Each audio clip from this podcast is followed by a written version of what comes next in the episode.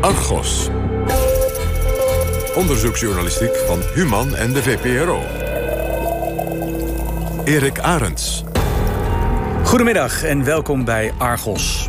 De boekhouder en de klusjesman. Het zou zomaar kunnen zijn dat u nu al weet waar ik het over heb... want de boekhouder en de klusjesman... dat zijn de hoofdpersonen in een drama... dat de gemoederen in Nederland jarenlang heeft beziggehouden. Ik heb het natuurlijk over de Deventer-moordzaak. Bijna 22 jaar geleden werd in Deventer de rijke weduwe Jacqueline Wittenberg vermoord. Haar boekhouder, Ernest Lauwers, werd voor de moord veroordeeld tot 12 jaar cel. Maar de rechtsgang liep allesbehalve soepel. De zaak moest over, er zou van alles niet deugen... en in afwachting van de herziening van het vonnis werd Lauwers vrijgelaten. Vrijwel iedereen ging ervan uit dat hij zou worden vrijgesproken... maar dat gebeurde niet. Het vonnis bleef staan. En het luidruchtige protest dat Lauwers tijdens deze rechterlijke uitspraak liet horen... staat in ons collectieve geheugen gegrift. Het Hof beveelt de gevangenneming van de verdachte. gaat gewoon door met alle argumenten die de politie aandraagt die van vals zijn. Meneer Lauwers, ik- ik- Alles, alles veegt u allemaal weg. Nee, ik, eh, ik ga niet weg. De camera's zijn nu... De camera's en de foto's zijn nu stop. Ja, boekhouder Lauwers heeft zijn straf inmiddels uitgezeten... en is alweer een aantal jaar vrij man. Maar wat gebeurde er met die andere hoofdpersoon in de Deventer-moordzaak? De klusjesman. Nou, die heeft eigenlijk levenslang gekregen. Niet van de rechter, maar van de maatschappij. Michael de Jong, zo heet hij. Veel mensen zagen in hem de echte dader. Vooral dankzij opiniepeiler Maurice de Hond... die openlijk verkondigde dat niet Lauwers, maar de klusjesman... de weduwe Wittenberg vermoordde. De klusjesman werd mikpunt in een langdurige mediacampagne. En dat had ingrijpende gevolgen voor zijn privéleven. U hoort straks in deze uitzending het gesprek dat Argos-collega Harry Lensink met Michael de Jong had. Maar eerst de podcast over deze zaak. NPO Radio 1. Argos. Ja, en die podcast heet De Deventer Mediazaak, waarvan gisteren deel 5 verscheen. Speciaal voor Argos gemaakt door journalist Annegriet Wietsma. Zij reconstrueert de ongelooflijk grote rol die de media hebben gespeeld in deze moordzaak. Met Maurice de Hond, zoals gezegd, in de hoofdrol. Hoogtepunt van zijn mediacampagne was het moment dat in 2006 het graf van de weduwe Wittenberg werd geopend. De hond had gehoord dat de klusjesman iets had verstopt in een holte tussen het graf en de grafsteen misschien wel het moordwapen. Waarop de rechter besloot dat de laatste rustplaats van de weduwe Wittenberg moest worden geopend. Straks bespreken we de impact van de media op dit soort zaken, maar luister eerst waar de opening van dat graf toe leidde in de nu volgende compilatie van deel 5 van de Deventer Mediazaak. Goedenavond. Het graf van de weduwe Wittenberg in Deventer is geopend en wordt op dit moment onderzocht. De rechter had het Openbaar Ministerie daartoe opdracht gegeven. De veelbesproken Deventer-moordzaak krijgt daarmee een opzienbarende voortzetting. Het graf van de weduwe Wittenberg. Zeven jaar na haar dood wordt de grafsteen gelicht op last van de rechter. Het is de reden waarom Michael de Jong het graf niet meer bezoekt. Hij was niet meer welkom op de begraafplaats. Wat heeft de beheerder van de begraafplaats nou allemaal gezien? Aan het woord is Albert Scholte, aan wie de beheerder zijn verhaal vertelde. Kort nadat mevrouw Wittenberg was begraven, hij de klusjesman binnen zag komen op eh, de begraafplaats en onder zijn arm een zwart etui droeg. Hij liep naar het graf en wat hij daar uitspookte, dat kon hij niet zo goed zien, maar hij zag wel dat hij bij het graf stond en ergens mee bezig was. Bij het weggaan had hij opgelet en zag dat het zwarte tasje niet meer onder zijn arm had. De grote dekplaat was nog niet totaal bevestigd. En hij zag dat hij met zijn hand aan de zijkant tussen de plaat kon komen. Dat daar een opening was. En hij had mogelijk dat daar het zwarte tasje in is verdwenen. De politie gebruikt een speciale takelwagen om de grafsteen te lichten. En rond drie uur vanmiddag lukt dat. De steen is van het graf en wordt onderzocht op sporen. En veel belangrijker nog, eindelijk kan worden gezocht naar het mes. Elke zandlaag in het graf wordt gezeefd. Geen centimeter wordt overgeslagen. Op zoek naar het mogelijke moordwapen. Het openen van het graf blijkt een mediaklapper. De landelijke en regionale pers, actualiteitenrubrieken, het journaal. Iedereen is aanwezig. Advocaat Jan Vlug kijkt met ledenogen toe. Dat, dat was een toestand, dat wil je helemaal niet weten. Die hele begraafplaats die was afgezet met schotten en schermen. Er stonden, ik stonden wel vier van die, van die zendauto's van alle media. De honderd man politie, weet ik het wat. Totaal bizarre, absurde aanname. Totaal bizar. Ik vloog hier tegen de muur op die dag. Het Openbaar Ministerie zal vanavond nog met een verklaring komen. Want zojuist is de begraafplaats weer vrijgegeven... en is het onderzoek op deze locatie gesloten. Jan Vlug kreeg als advocaat van de klusjesman... een stoomcursus mediadynamiek. Maar toch valt hij van de ene verbazing in de andere, vertelt hij mij. En ook die avond heb ik op de, op de redactie van de NOS uh, rondgelopen... Uh, met Lex Runderkamp als een soort stagiaire... En toen kreeg hij een telefoontje en toen onderbrak hij het NOS-journaal. Kun je je voorstellen? Verslaggever Lex Runderkamp in de studio. Ja, Lex, uh, is dat mes nou gevonden of niet? Het mes is niet gevonden. Ik begrijp dat het Openbaar Ministerie nu binnen een aantal minuten... misschien aan een half uur bekend gaat maken... dat ze uh, het graf hebben gelicht en daar waar ze verwachten dat het mes zou liggen, lag het niet. Ze hebben al het zand doorzocht en doorzeefd tot aan de grafkist... die op 1,20 meter diepte ligt. En er is geen mes gevonden. Nieuwe feiten in de geruchtmakende Deventer-moordzaak. De zaak die inmiddels is uitgegroeid tot een strijd tussen uh, gedreven voor- en tegenstanders. Verslaggever Bas Haan onderzocht de zaak en haalde nieuwe feiten boven tafel. Het DNA in deze zaak is wel degelijk cruciaal. En daar komt nu nog een nieuwe onthulling bij. Namelijk dat aanvullend DNA-onderzoek ontlastend is voor de klusjesman.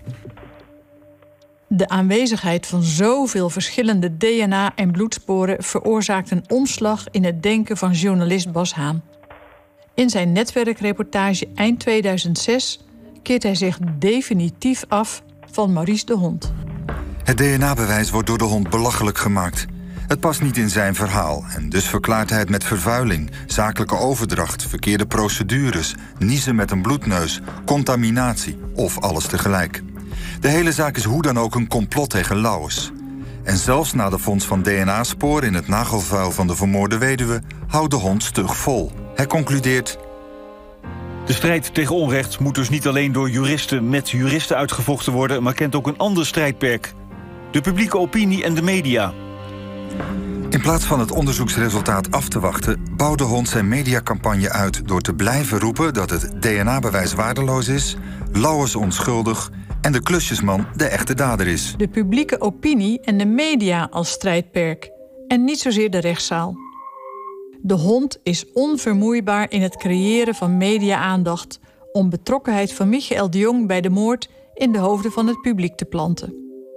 Advocaat Jan Vlug heeft er zijn handen aan vol. Iedere keer dacht je van nu is het klaar. Maar ja, oké, dan, dan moesten die briefjes weer onderzocht worden. En toen nou, dan moest Mijke weer die schrijfproef doen. We hebben duikers hier in de singel uh, in, de, in de gracht gehad. Omdat men dacht uh, dat hij mogelijkerwijs daar het mes zou hebben weggegooid. Als Michael en Mijke hier bij mij de deur uit uh, gingen... las ik vervolgens op een van die weblogs ineens van... ja, ze komen net bij een advocaat vandaan. Echt dat ik dacht van, wat krijgen we nou? Zeg, zitten ze hier voor mijn deur? Hebben ze hier camera's hangen? Wat is dit? Dus iedere keer kwam er weer wat. En iedere keer kwam er weer gedoe van. Opiniepeiler Maurice de Hond zet een nieuwe stap in zijn verdediging van Ernst Lauwers... de man die is veroordeeld in de Deventer-moordzaak. Morgen verschijnt in de landelijke dagbladen... een pagina grote advertentie met de kop... Wie stopt dit openbaar ministerie? De Hond vindt dat het OM, citaat... de waarheid construeert en leugens verspreidt. Op basis van deze advertentie verbreekt de NOS per direct het contract met de hond als hun vaste opiniepeiler. Maurice de Hond heeft zich als een pitbull vastgebeten in de zaak en stelt veel in de waagschaal. Ik vraag hem waarom. De kern van die les is: wie bang is, krijgt ook klappen. En ik kan onmiddellijk kunnen denken: ja, waarom doe ik dat nou? Wat, wat kan me dat allemaal? Ja, ik ben mijn contract met de NOS kwijtgeraakt. Uh, ik, er zijn nogal wat mensen die mij veel kwalijk nemen. Maar uh, gezien deze lessen en die voorgeschiedenis... is dat niet de keuze die ik gemaakt heb. Het is een keuze die hij al heeft gemaakt vanaf het eerste moment dat hij zich met de Deventer moordzaak gaat bezighouden, memoreert hij in een journaaluitzending. Maurice de Hond realiseert zich dat hij zijn reputatie op het spel zet door een moordenaar aan te wijzen. Elke logica wijst erop dat hij het niet is en Michael de J het wel. Ja, als dat niet het geval zou zijn, dan accepteer ik dan die schade... in ruil voor het feit dat een onschuldige vrij moet. En dat vind ik veel belangrijker dan de consequenties voor mijzelf. De hond zegt dat zijn strijd hem al zeker zes ton heeft gekost. Hoe betaalt hij dat? Dagblad NRC heeft het uitgezocht. Deze krant achterhaalde dat de campagne van Burgerspeurder de Hond... nu al ruim twee jaar voor een flink deel betaald wordt... via vennootschappen van Jan de Lange, miljonair te Wassenaar. De Lange nam de 119.000 euro voor zijn rekening voor de advertentiecampagne Wie stopt dit openbaar ministerie? Jan de Lange betaalde ook de zoektocht naar het mes, de website, advocaat Plasman en de detectives. De Lange wordt bondgenoot van Maurice de Hond in zijn strijd tegen het OM. In een schriftelijke overeenkomst bevestigen zij hun ambities om de Deventer moordzaak op de publieke agenda te houden. In een mailbericht beschrijft de parkeermiljonair de mediastrategie die hij voor ogen heeft. Roddel verspreiden via gerenommeerde media als NRC en Telegraaf. En via het inschakelen van tv-programma's als Nova, Netwerk, DWDD en Pauw Witteman. En dan shownieuws en Hart van Nederland. Het doel? Het vertrouwen in rechtspraak en justitie ondermijnen. De boodschap? Machtscorruptie door chantage, seks en pedoseksualiteit.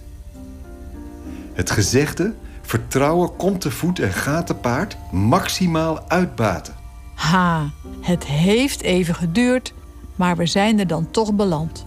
De introductie van een complottheorie. In de Langers geval pedoseksuele netwerken van magistraten die elkaar de hand boven het hoofd houden. En, zo voegt de Lange er aan toe, de strategie om ondermijning van het geloof in justitie te bereiken. Het type van de serieuze media kan het beste lopen via een stroomman of doordat bijvoorbeeld Stan de Jong via Nieuwe Revue het voorzetje geeft. Advocaat Jan Vlug is de aantijgingen van Maurice de Hond in de media zat. Hij dient namens Michael en Meike een aanklacht in wegens laster en smaad. Tevens wordt er een civiele procedure gestart voor de geleden materiële en immateriële schade. Alle stappen die we in zijn richting hebben ondernomen, van aangifte, kortgeding, bodemprocedure en beroep van dat allemaal, heeft hij allemaal verloren. Alles. Hij heeft alles verloren. Het enige wat ik mezelf verwijt is dat we niet eerder dat kort geding hebben gevoerd en niet eerder aangifte hebben gedaan. Daar hebben we heel lang mee gewacht, terwijl het uiteindelijk wel heeft gewerkt. Maurice de Hond mag van de strafrechter niet meer in het openbaar zeggen dat de klusjesman de dader is. In een civiel proces wordt de hond tevens veroordeeld tot het betalen van een aanzienlijk bedrag aan schadeloosstelling. Het is met name de mediacampagne die de strafrechter hem aanrekent. Dat hij gebruik maakt van zijn bekende Nederlanderschap en zijn toegang tot de media om voor rechter te spelen. Maar diezelfde media schieten hem te hulp. Thank God it's Friday. Met vanavond Jolante Gebouw van Kasbergen, Arthur Japin, Javier Guzman, Maurice de Hond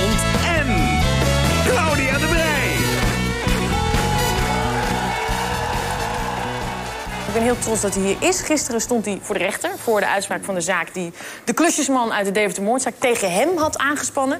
Hij is veroordeeld nu tot twee maanden voorwaardelijk en hij mag het K-woord echt niet meer uitspreken. Hier is Maurice de Hond.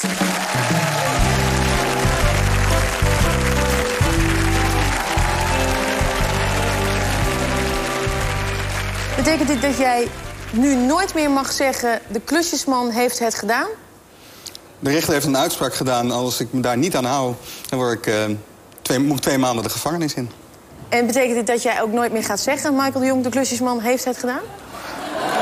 Nou, ik ben, ik ben veel bereid om voor dit programma leuke dingen te doen... maar niet om twee, nee, nee. niet twee maanden de gevangenis nee, te gaan Nee, nee, dat, dat zou ik niet willen. Maar ik vroeg me af, omdat jij je bent, je bent uh, uh, zo fanatiek... en met zoveel rechtvaardigheidsgevoel tot hier gegaan... dat, uh, dat, nee, dat ik eigenlijk me vannacht lag af te vragen... hoe, hoe moet dat zijn? Ik zoek contact met Claudia de Brij. Hoe kwam haar ode aan Maurice tot stand? Kan zij mij een kijkje achter de schermen geven? Het format was, uh, we nemen de week door, de afgelopen week. En het deed altijd een ode aan iemand.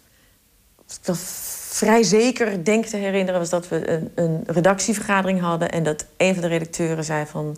je had die Ernst Lauwers die zo tekeer ging in die rechtszaal.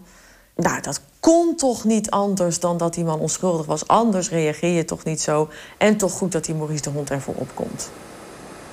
Jouw, jouw fanatisme hierin uh, vind ik schitterend. In jouw rechtvaardigheidsgevoel. De waarheid komt uiteindelijk boven water. Daar ben ik 100% van overtuigd. Ik heb wel een oplossing verzonnen. Als je, als je het niet mag zeggen, mag je het dan wel zingen, dacht ik. Nou, volgens mij alleen Jan Smit. Alleen Jan Smit was het. ik dacht namelijk zelfs dat ik denk aan... Uh, aan, uh, aan de Deventer-moordzaak, de musical, zat ik te denken.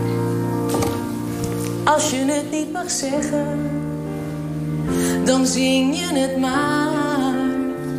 Ook al vindt de rechter dat misschien wel raar. Als jij in de rechtszaal ineens gaat staan en zingt van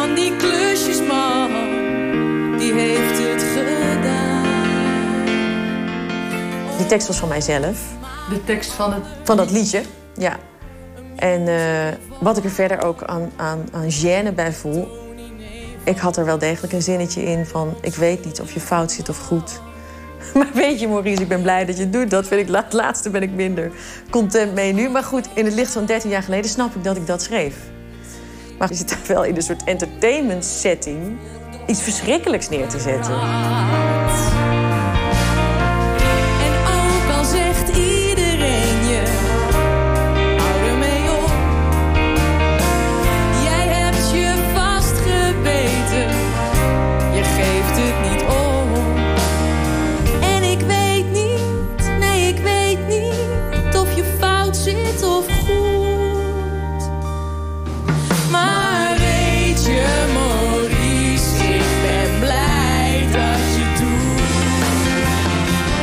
Die mensen waren personages. De klusjesman. Weet je wel, de weduwe, de boekhouder. En de opiniepeiler. Maar toen was hij als opiniepeiler in mijn beleving in ieder geval onbetwist. Ik denk dat het niet ware verhaal was zo goed en zo goed verteld... dat het ware verhaal is helemaal niet gehoord. Ja, belachelijk. Waar was ik met mijn gedachten? Waar waren wij met z'n allen? Maar weet je,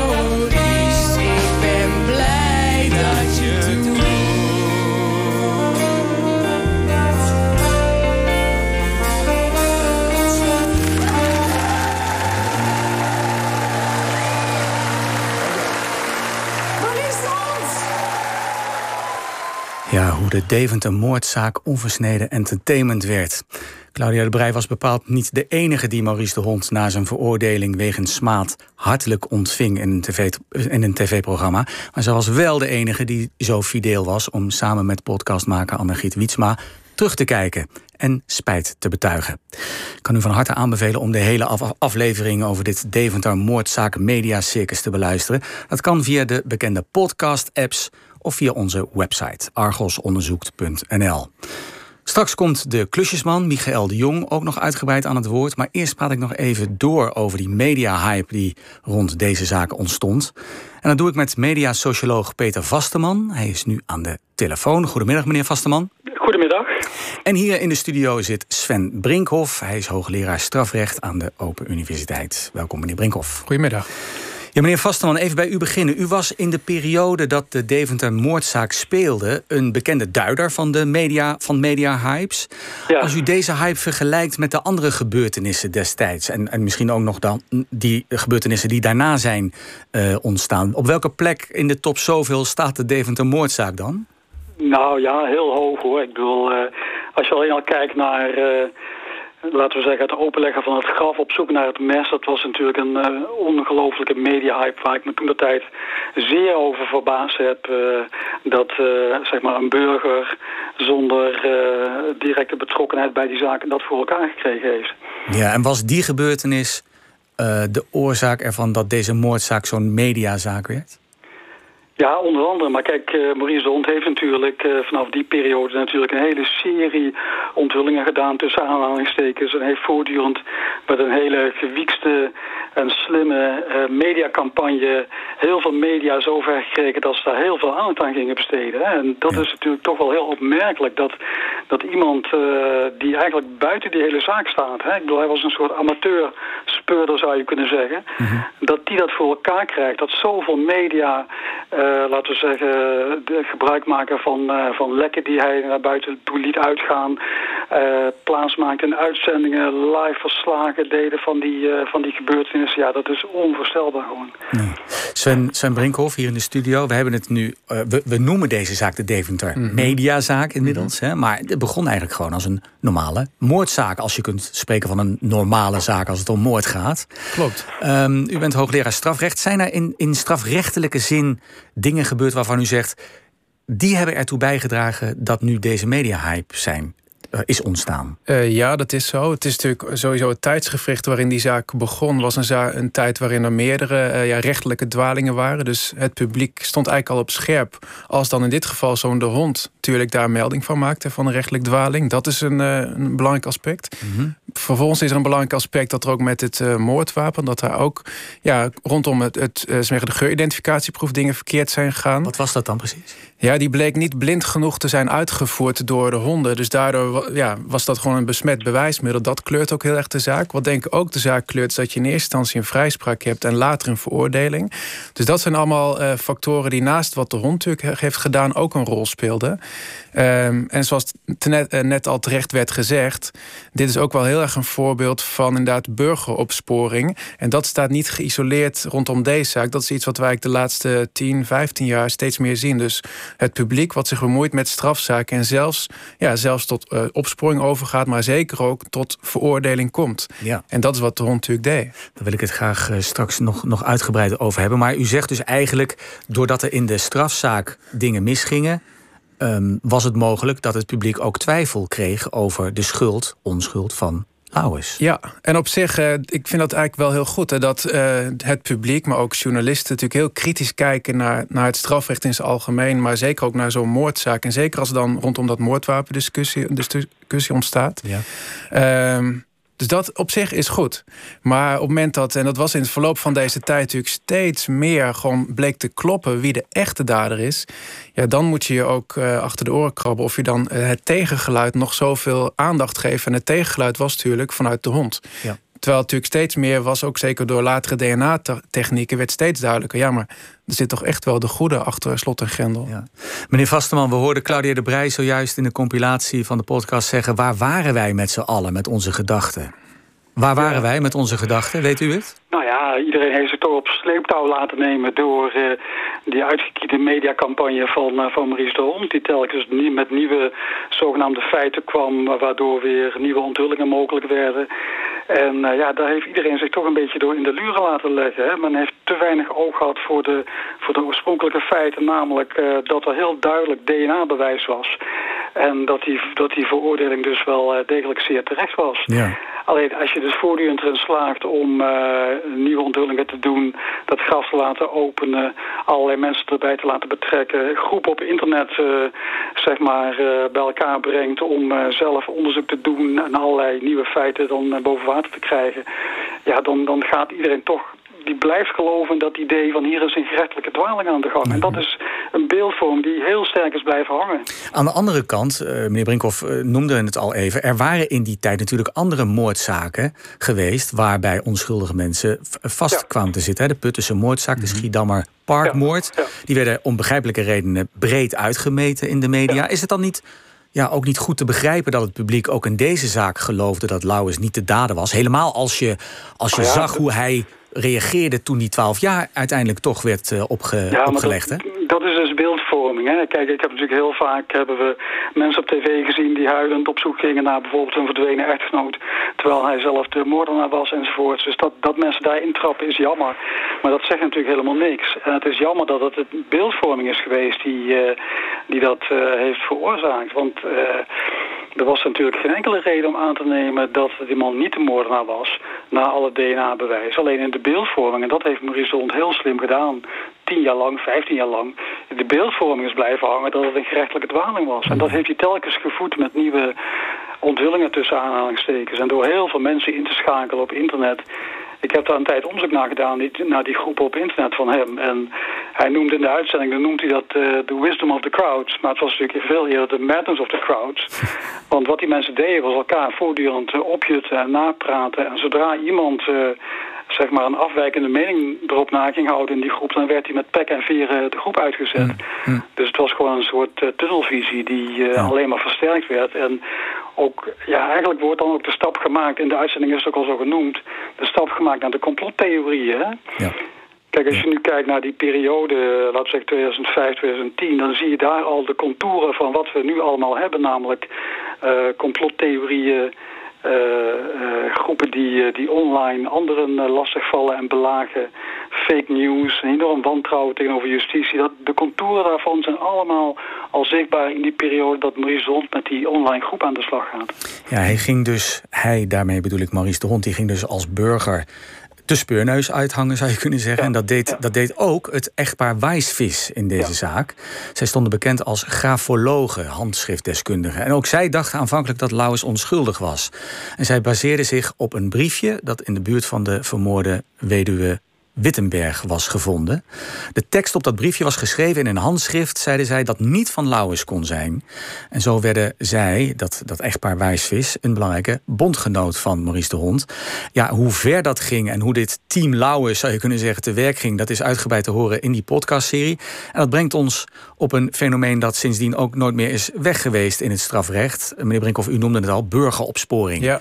Recherchewerk gedaan door leken, zou je kunnen zeggen. Ja. Um, even nog, meneer Vasteman, dat, dat iedereen ja. zichzelf politieinspecteur kan wanen. Hè? Dat komt natuurlijk ook door internet, noemt u ook al. Je ja. kunt allerlei ja. informatie halen, maar je kunt er ook van alles opzetten.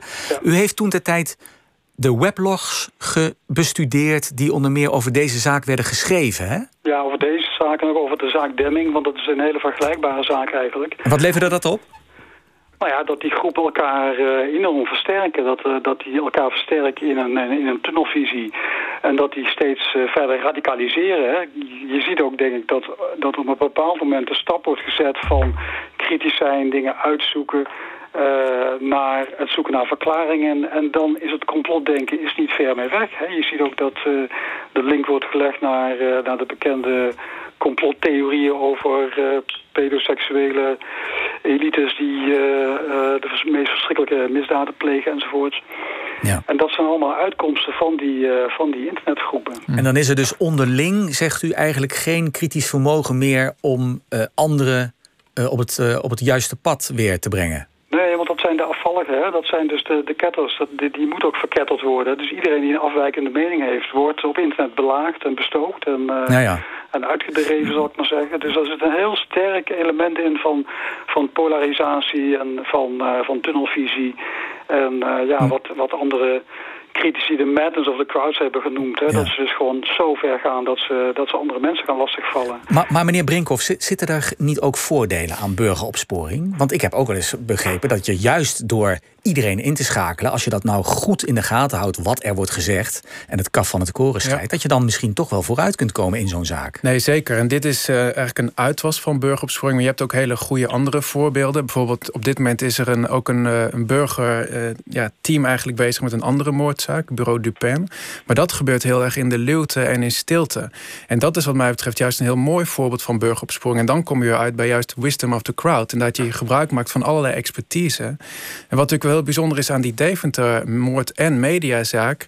is dat juist in die tijd werd politie, OM verweten... dat ze te snel zelf in een tunnel schoten. Van dat er alleen maar dit de verdachte en de dader kon zijn. Ja. Terwijl nu zie je dat juist die burgers in die tunnel zijn gaan zitten... wat net ook al werd gezegd. En dat is natuurlijk wel heel ironisch eigenlijk dat dat gebeurt. Ja. Um, ja, en het thema burgeropsporing is niet alleen rondom moordzaken... dat is iets wat heel erg aan het toenemen is... waar politie en OM ook wel mee worstelen van Aan de ene kant is het fijner, want burgers kunnen ook waardevolle informatie aandragen waar je ook echt strafzaken mee oplost, van klein tot groot.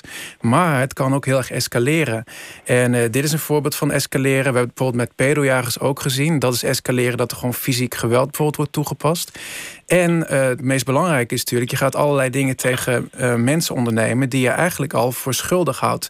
Dus het hele idee wat in het strafrecht leeft, dat we eerst iemand voor onschuldig houden en pas als er heel veel bewijs is, dat je dan over een schuldige spreekt, dat is volstrekt overboord gegooid bij ja. dit soort vormen van burgeropsporing. Die, dat, dat echtpaar Wijsvis is er later ook wel van teruggekomen, heeft ook ja. afstand genomen van uh, Maurice de Hond. Maar goed, intussen had hij dus wel voor elkaar gekregen dat de rechter uh, verordoneerde dat het graf moest worden opengemaakt. Ja.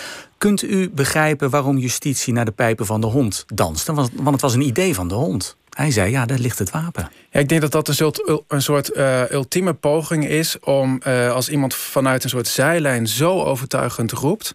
dat je dan toch als, als strafrecht in zijn geheel... of dat nou een rechter is of een officier die met die zaak bezig is... daar toch enige ruimte aan wil geven. Ook eigenlijk in de hoop om aan te tonen dat je als overheid niet te veel in die tunnel zit, waar, waar ook vaak het verwijt van wordt gemaakt. Het is een soort ultieme poging.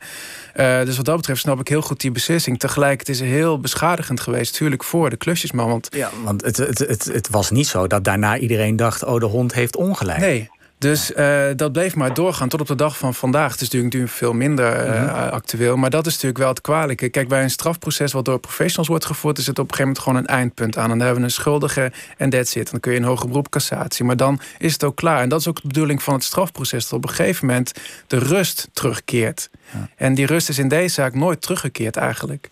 Laten we naar de klusjesman gaan, Michael de Jong. Hij werd nooit officieel verdachte in de Deventer-moordzaak... maar is dat in de beeldvorming natuurlijk wel geworden... eigenlijk tot op de dag van vandaag. Hij is veelvuldig te horen in de podcastserie... maar wij wilden ook weten hoe het nu met hem gaat... en of hij blij is met de hernieuwde aandacht... voor wat ook zijn moordzaak werd. Collega Harry Lensink zocht hem op afgelopen week. ik maak het verhaal eigenlijk nog een keer mee. Ze heeft het zo precies gedaan dat je het stap voor stap goed kunt volgen. En het is beter zelfs als een boek, omdat je het voor mij als dyslect komt het veel beter binnen dan een gelezen boek. Je hebt veel negatieve ervaringen met journalisten ja, achter absoluut, de rug. Waarom absoluut. ben je met Annegiet in zee gegaan? Omdat hij eerlijk is, betrouwbaar is en erg vakkundig dit ding gemaakt heeft ze hebben heel goed werk hierin gedaan. Echt. Ze komen heel erg in de buurt van de waarheid. Ik verbaas me soms er zelf over hoeveel dat ze boven water gekregen heeft. En je kwam ook dingen tegen die waren weggezakt, die je jezelf ja, niet meer kon oh, ja, herinneren? Absoluut. Oh, absoluut. Kan je er een voorbeeld van geven? Bijvoorbeeld, ja, dat er op de begraafplaats uh, ook bewaking stond. 24 uur de klok rond. Dat is iets wat, wat, wat me nou pas weer te binnen geschoten is. Jij mocht niet meer op die begraafplaats komen... waar de weduwe Wittenberg is begraven. Waarom was dat? Omdat Maurice de Hond aangaf dat daar het moordwapen in verstopt zou moeten zijn... in het graf van mevrouw Wittenberg. Hij heeft het graf 24 uur per dag laten bewaken. Met twee man. Daar zijn ook foto's van. Uiteindelijk bleek dat daar helemaal niets lag. Daar zullen misschien scharnieren, schroefjes, uh, stukjes beslag, dingen liggen die op elke begraafplaats ligt, kruisjes van mensen die daar begraven zijn. Restanten van de kisten. Dus er ligt metaal in de grond. En als je dan met een metaaldetector over de grond gaat, dan is het natuurlijk niet verbazingwekkend als er dat ding afgaat. De hond zei dat hij verwachtte dat jij daar het moordwapen had verborgen bij de kist van de weduwe Wittenberg. Het is een van de vele voorbeelden in de podcast waar het blijkt dat hij er volkomen naast zit.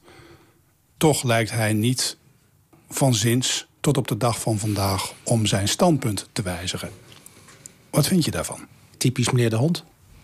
Dat doet hij met alles. Dus hij geeft nergens in toe dat er iets verkeerd zit. Hij weet alles van alles. En dan komt iedereen erachter dat hij het niet weet. En dan houdt hij het toch nog vol.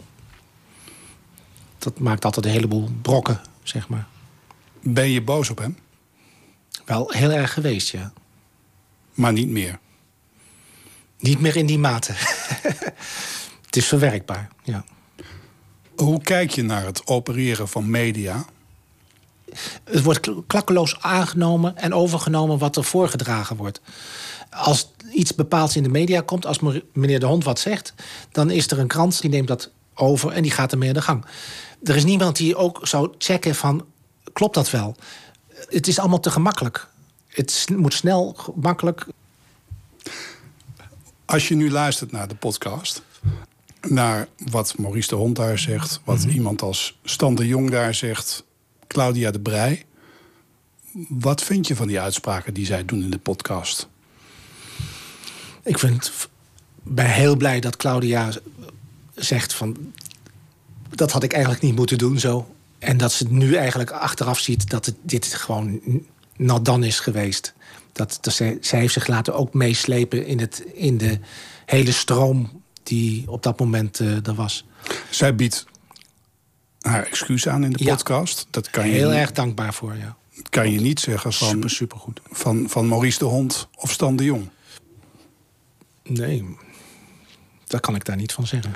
Zou je dat willen? Het zou me sowieso erg verbazen.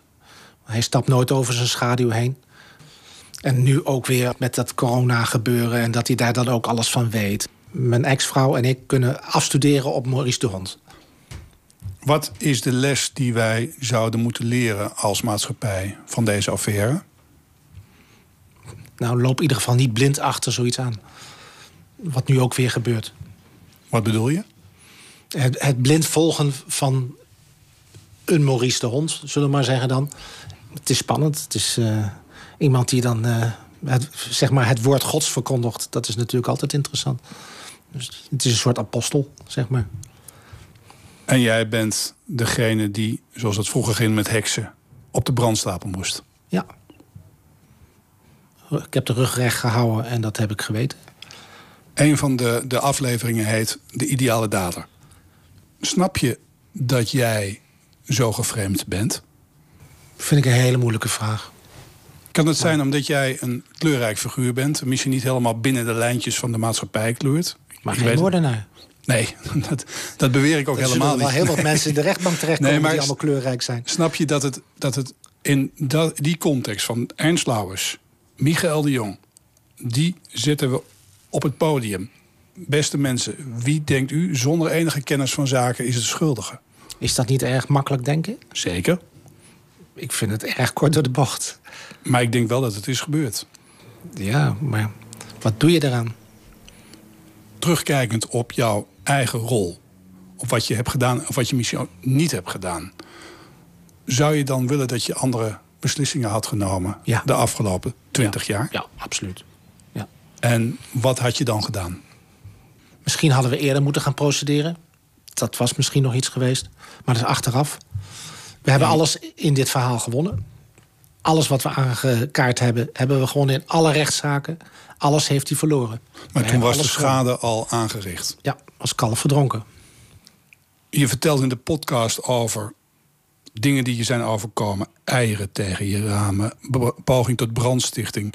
een poging om je honden te vergiftigen. Je bent verhuisd, je bent vrienden kwijtgeraakt. Een nachtmerrie scenario. Noem het maar op, het is gebeurd. In hoeverre beïnvloedt wat er is gebeurd in 1999... en die hele nasleep... beïnvloedt dat je huidige leven nog? Ja, tot de dag van vandaag eigenlijk. Ik ben ziek. Ik zit in een kamer van drie bij zes meter. Eigenlijk te wachten op de bus. Dat is het gewoon. En dat is een direct verband met wat je is overkomen in Dat kan ik niet, de niet aantonen. Maar als je je systeem zo stresst dat je systeem niet meer uitgaat... en dat je auto-immuunsysteem je eigenlijk zo ver bevecht... dat je allerlei dingen niet meer aanmaakt... en dat, dat die je organen beginnen af te stoten... en dat je er allerlei complexe dingen bij krijgt... waar ze met heel veel medicijnen moeten proberen... en injecties moeten proberen om mij aan de praat te houden. Ja, dat had ik natuurlijk altijd kunnen krijgen. Maar ik denk dat dit wel heel erg eh, eraan gewerkt heeft. Het heeft zeker niet geholpen. Het heeft zeker niet geholpen om het niet te krijgen. Je zit met het probleem dat je eh, aan het eind van het verhaal overblijft met een, bak met scherven. En daar, daar komt niks voor terug. En dat, kan is niet, je leven. En, en dat kan niet gelijmd worden. En dan blijft het nog steeds kapot. Je komt er eigenlijk achter dat je in je relatie met je vrouw... dat je dan eigenlijk geen relatie hebt opgebouwd. We moesten zelfs afkicken van, van dat er op dat moment geen stress meer was. Je Eh, miste de Deventer-moordzaak. Je miste net als iemand die heel erg hard werkt... die dan eh, op de eerste dagen van de vakantie weggaat... en dat hij dan eh, nog eigenlijk met zijn werk bezig is. Bij ons heeft dat wel een half jaar geduurd... voordat we tegen elkaar konden zeggen van... nou, even niet eh, dat je de andere dingen kunt doen. En dan merk je dat je gewoon in al die jaren... alleen maar met deze Deventer-moordzaak bezig bent geweest. Je hebt in een soort frontlinie gestaan in een, in een oorlogsgebied. Mijn ex is er op dit moment niet bij. En zij is net zo gedupeerd als ik hier in dit hele verhaal. En wij zijn naar elkaar gegaan toen we erachter kwamen dat we eigenlijk na 18, 20 jaar nooit iets opgebouwd hadden, geen relatie hebben opgebouwd of niet aan ons leven hebben kunnen werken. Niet maatschappelijk, niet, niet sociaal. We hebben niks gebouwd. We hebben geen fabriek, geen bedrijf of iets anders. Of geen pensioen, geen huizen, geen kinderen. En dan kom je erachter dat je eigenlijk niks samen meer hebt. Behalve de, eigenlijk ons bindenis was de Deventer moordzaak. Dat was het, het kunstje wat we samen deden. En dat hield ons bij elkaar. En daar vochten we samen voor. Daar hebben we al die jaren eigenlijk dag in dag uit voor gestaan. Je bent aan het archiveren. Je archiveert alles wat binnenkomt. Alle dingen las zij, alles eh, zocht ze op. De, in de media, internet, in de kranten. Alles werd vergaard en dat wordt dan gearchiveerd. Dus dat deden we eigenlijk in bed. Want dan, ja, dan kon je on- en televisie kijken... en dan ook nog een keer lekker warm in bed liggen. En de honden zaten dan ook nog een keer op bed. Dus dat was echt een hele grote terp. Maar je was s'avonds, terwijl je in bed lag... was je bezig met de Deventer-moordzaak. Ja. En op een gegeven moment hebben we maar afgesproken... dat we dat tot 12 uur zouden doen en niet langer. Want dat werd op een gegeven moment 1 uur, 2 uur, 3 uur. En dan moest je toch wel weer eh, op tijd proberen op te staan en naar je werk. Maar er was zoveel werk om dat te archiveren en uit te zoeken. Hoe zag die slaapkamer eruit? Nou, die- om het bed stonden de stapels met kranten en verhuisdozen met fotocopieën. We hadden geen printer of we konden dat niet verwerken. Dus zij ging dan met lijstjes die ze getypt had naar de bibliotheek... om dat weer uit de computer van de bibliotheek te halen... en dan in de bibliotheek weer te fotocopiëren. En dan kwam ze weer met stapels met allerlei materiaal terug... wat ze dan weer van internet gehaald had. Maar moesten jullie dat doen of was het een obsessie? Als je het niet doet, dan mis je de boot. Helemaal. Dan kan je je niet verdedigen. Het heeft een doel gediend. Absoluut. Maar het is niet leuk. Je doet het niet voor je hobby. Het is geen liefhebberij. Het is puur leven of dood. Nu zijn er 29 rechters geweest, waarvan de 26 Enslauwers hebben veroordeeld. Toch is de zaak nog steeds niet helemaal afgesloten. Snap je dat? Ergens niet. Maar het systeem geeft de mogelijkheid dat er elke keer weer een herziening aangevraagd kan worden. En dat is wat er op dit moment gebeurt elke keer. Dus als je elke keer maar een herziening blijft indienen, blijft het En er, is verhaal nog een, doordraaien. en er is nog een cold case team wat kijkt naar de zaak. Ja, en wat hebben we misschien daarna? Nederlandse Vereniging van Huisvrouwen die ernaar kijken. Ik zou geen grapjes maken, sorry. Kan je het naast je neerleggen? Nee, dit heeft te veel gekost. Daar heb ik een te hoge prijs voor betaald. Ja, dat was eh, klusjesman Michael de Jong in gesprek met Argos collega Harry Lensink. En als u wilt weten hoe Maurice de Hond erover denkt, luistert u dan vooral naar de podcast, want daarin komt de hond uitgebreid aan het woord. Ik praat over de Deventer-moordzaak met hoogleraar strafrecht Sven Brinkhoff en mediasocioloog Peter Vasteman. Meneer Vasteman, kun je nou zeggen dat hier sprake is geweest van een trial by media, zoals dat zo mooi heet?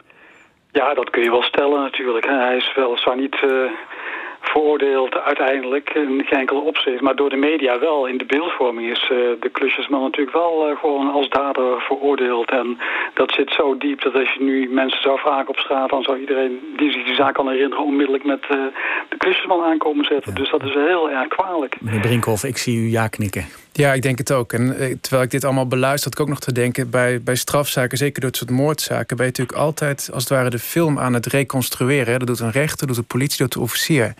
En, maar niemand is er echt bij geweest dan degene die het gedaan heeft en het slachtoffer. Dus ehm, dat kleurt ook wel deze hele zaak. En de stelligheid waarmee in de loop der tijd gezegd dat een ander het heeft gedaan, dat, dat past eigenlijk niet. Dat past niet voor een rechter, maar zeker ook niet voor een burger. Dat kun je niet zeggen. Dus Hmm. ehm, ja, dat vond ik ook wel belangrijk om Ja. te noemen. Ja, maar er is toch weer, ook weer iets mafs met, met deze zaak. Want ja, u bent hoogleraar strafrecht. Deze zaak is nog steeds niet afgesloten. Er, is, een, er is een dader veroordeeld. Althans, er is iemand veroordeeld voor de moord. Ja. Ehm, de advocaat van de boekhouder zegt desondanks... eh, we gaan herziening aanvragen bij de Hoge Raad. Dat hebben ze gedaan. En er zit ook nog een cold case team van de politie op de zaak. Hoe, hoe, hoe moet ik dit nou wegen? Nou, die herziening is natuurlijk is altijd ook weer een goed recht van eh, eh, een verdachte, een, gewezen verdachte, die dus het hele traject heeft uitgezeten, om te proberen om toch weer door middel van een herzieningszoek een nieuw licht op de zaak te laten eh, schijnen.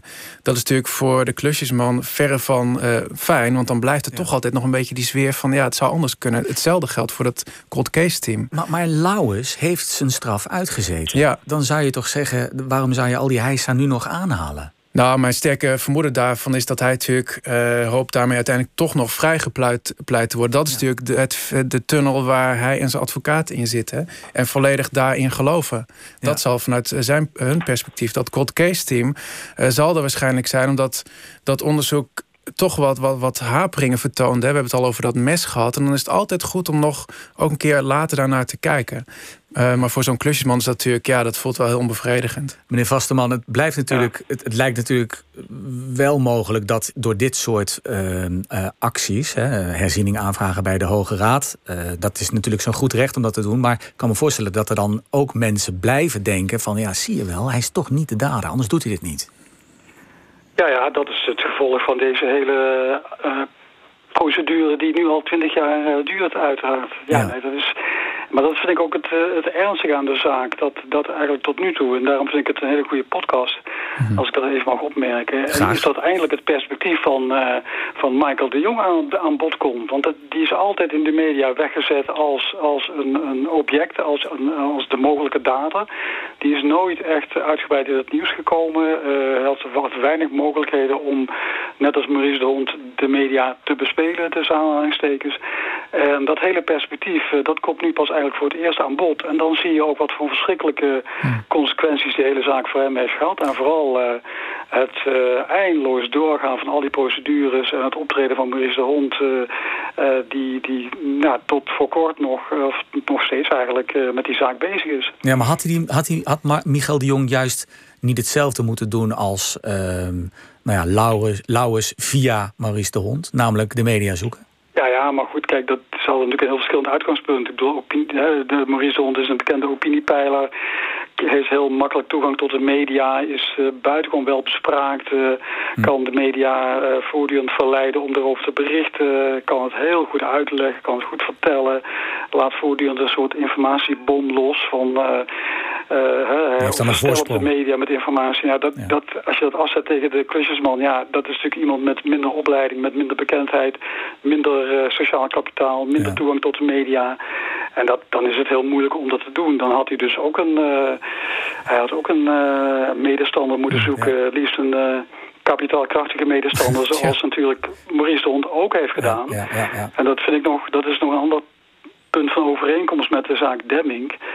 Eh, ook daar eh, was een miljonair eh, op de achtergrond die voortdurend al die internetgroepen in de lucht heeft gehouden en de mensen gefinancierd heeft die al die verhalen de wereld inslingerden. Eh, ja, dat had Michael de Jong ook moeten vinden, zo iemand. Meneer Brinkhoff, hoe, dat, dat is natuurlijk de hamvraag. Hoe voorkom je dit in de toekomst? Eh, moeilijk. Dus ik, wat mij betreft, na, na zo'n type zaak, maar sowieso wat betreft burgeropsporing, is voor mij staat één punt boven water. We moeten zoveel mogelijk strafzaken door professionals laten doen. Tegelijk moeten die professionals ook oog hebben voor kritische geluiden uit hè, van burgers, van onderzoeksjournalisten tot aan burgeropsporers. Ehm, en dan moet je kijken of je uiteindelijk op het goede spoor zit. En, ik haak nog even aan op dat punt van... je hebt soms eigenlijk als het ware ook een soort mediavertegenwoordiger nodig. Dat zie je bijvoorbeeld nou in de Marengo-zaak ook gebeuren. Daar heeft de kroongetuige, heeft Peter de Vries... als het ware eh, in de arm genomen om juist ook zijn standpunt goed eh, voor het voetlicht te brengen in de media. Tegenover het, vi- het, het verbale geweld van de advocaten van alle verdachten. Dus je, je moet eigenlijk bijna dus ook zelf een mediastrategie voeren als je ja, in een bepaalde hoek zit in een strafzaak. Uh, maar goed, dat is natuurlijk, dat kan niet iedereen zich veroorloven, wil ook niet iedereen. Um, ja. Maar je hebt het onderhand wel nodig. Want als eenmaal in die Deventer-moordzaak het zo gigantisch wordt dat iedereen met de beschuldigende vinger naar jou wijst, zie dat maar eens te keren. Ja. En um, dat is heel moeilijk. Meneer Vasteman, Maurice de Hond um, lijkt uiteindelijk relatief ongeschonden uit de strijd te zijn gekomen ja, van deze. Verbazingwekkend, verbazingwekkend. Um, uh, als u kijkt naar de manier waarop de Maurice de Hond nu in de media uh, te zien en te horen is. Hij heeft een nieuw studieobject uh, gevonden, zou je ja, kunnen zeggen, ja. corona. Ziet u overeenkomsten tot slot? Nou ja, de, de grootste overeenkomst vind ik de informatiebom eigenlijk. Ik heb vorige week nog uh, zijn website weer eens uh, bekeken. Die, die volgde ik al vanaf dat de coronacrisis uh, begon. En hij slaat er toch voortdurend heel goed in om heel veel informatie bij elkaar te, te zetten. Daar werkt hij ongelooflijk hard aan. Het is volgens mij iemand die dag en nacht zit te typen achter zijn computer. En, uh, maar hij overstelt de lezer met zoveel informatie die hij dan vervolgens één bepaalde kant uitdrukt. Dat als je zijn website gelezen hebt, nou, dan, dan ben je totaal overtuigd van zijn, uh, van zijn ideeën. Dat doet hij dus goed. Dat doet hij, ja, dat is fantastisch. Dat is, uh, dat, daarom zei ik ook, het is zo'n ongelooflijk goede campaigner hè, voor, uh, voor een bepaald doel. Maar zodra je dan weer kritisch gaat kijken, maar dan moet je al die teksten uit elkaar rafelen. Dan moet je de originele statistieken erbij pakken. Dan moet je de onderzoeken van RIVM erbij pakken. Dan moet je dus eigenlijk als een wetenschapper dat helemaal gaan doorspitten om te zien wat nou precies aan de hand is en waarom zijn mening afwijkt van die van de virologen van het RIVM. Je moet dus goed van goede huizen komen, wil je Maurice de Hond van Ja, ja dat, dat was met zijn stuk over de Deventer-moordzaak ja. ook. Als je die gaat lezen, dan denk je ook van ja, maar dat is toch overduidelijk dat dit een gerechtelijke dwaling is. Mag... Alleen, ja, de, ik vind dat de media daar niet in moeten trappen. Die moeten toch afstand houden, kritisch blijven kijken. Juist wel al die dingen doorspitten, andere mensen aan het woord laten. Staat genoteerd, meneer Vasteman. We gaan er ons voordeel mee doen. Heel hartelijk dank voor uh, uw uitgebreide analyse. Mediasocioloog Peter Vasterman was dat... en hoogleraar strafrecht Sven Brinkhoff. Hartelijk dank. Voor wie de hele podcast de Deventer Mediezaak wil luisteren... er staan nu vijf afleveringen online in de bekende podcast-apps... en op onze eigen website argosonderzoekt.nl. Volgende week vrijdag komt dan de laatste, het laatste deel van deze serie online. Tot zover. Heel hartelijk dank. Tot volgende week. NTO